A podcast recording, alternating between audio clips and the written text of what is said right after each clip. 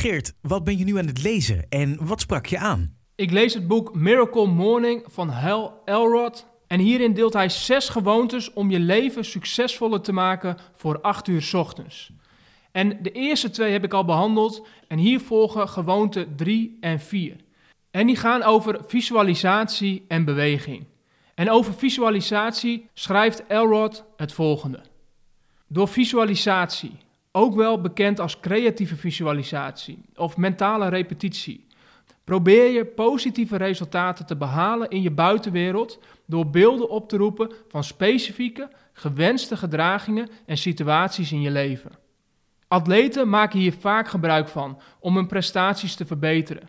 Je stelt je precies voor wat je wil bereiken en repeteert dan mentaal wat je moet doen om het inderdaad ook te bereiken. En daarnaast heeft de schrijver het over beweging. En hierover schrijft hij het volgende. Lichaamsbeweging hoort een hoofdbestanddeel van je ochtendroutine te zijn. Met maar een paar minuten beweging ochtends geef je je energieniveau een boost. Verbeter je je gezondheid, verhoog je je zelfvertrouwen en emotionele welbevinden, kun je beter nadenken en je langer concentreren. En dit kun je al bereiken met een workout van slechts een paar minuten. Hoe zie je dit in de praktijk?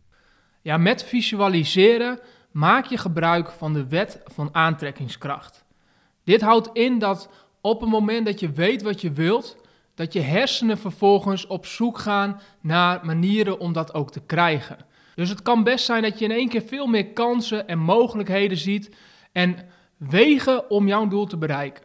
Het werkt hetzelfde als dat jij weet welke auto je wilt gaan kopen en ineens zie je die auto in één keer veel meer verschijnen op de weg. Het is niet zo dat die auto's meer zijn gaan rijden, maar het feit is dat doordat jij die auto in je hoofd hebt, dat je gefilterd kijkt naar de wereld en die auto dus automatisch vaker voorbij ziet komen.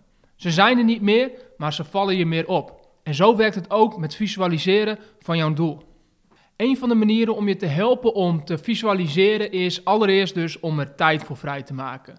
Om te gaan zitten en je aandacht te richten op dat wat je wilt. Hoe vaker je dat doet, hoe meer je zult merken dat de beelden die dan bij je opkomen scherper en helderder wordt. Dus het begint echt bij daar de tijd voor nemen. Een tweede manier om hiermee aan de slag te gaan is om een zogenaamd vision board te maken. Dit is als het ware een collage met inspirerende afbeeldingen en quotes van dat wat jij wil bereiken. Je zou kunnen zeggen, hierop staat jouw droomleven uitgebeeld. Dit kun je vervolgens gebruiken om er elke dag even naar te kijken. En dit kun je dus ook heel goed terugbrengen in jouw ochtendroutine. Dus als je een vision board hebt, is een onderdeel van jouw ochtendroutine om naar dit vision board te kijken. En je erdoor te laten inspireren en motiveren. Het tweede punt is beweging.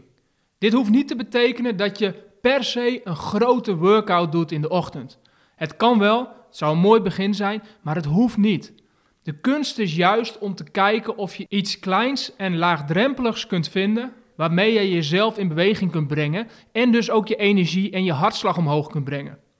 Maar het hoeft niet eens zo intensief te zijn. Voor sommigen betekent dit bijvoorbeeld dat ze yoga beoefenen in de ochtend. Of dat ze een stukje gaan wandelen. Voor anderen betekent dit een stuk hardlopen.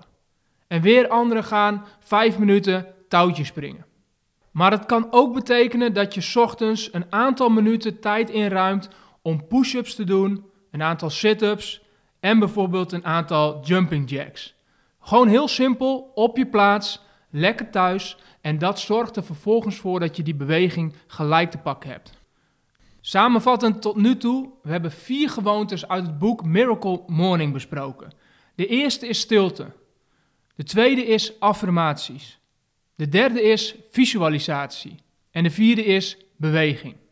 Hierna volgen nog twee gewoontes ter inspiratie om toe te voegen aan jouw meest effectieve ochtendroutine.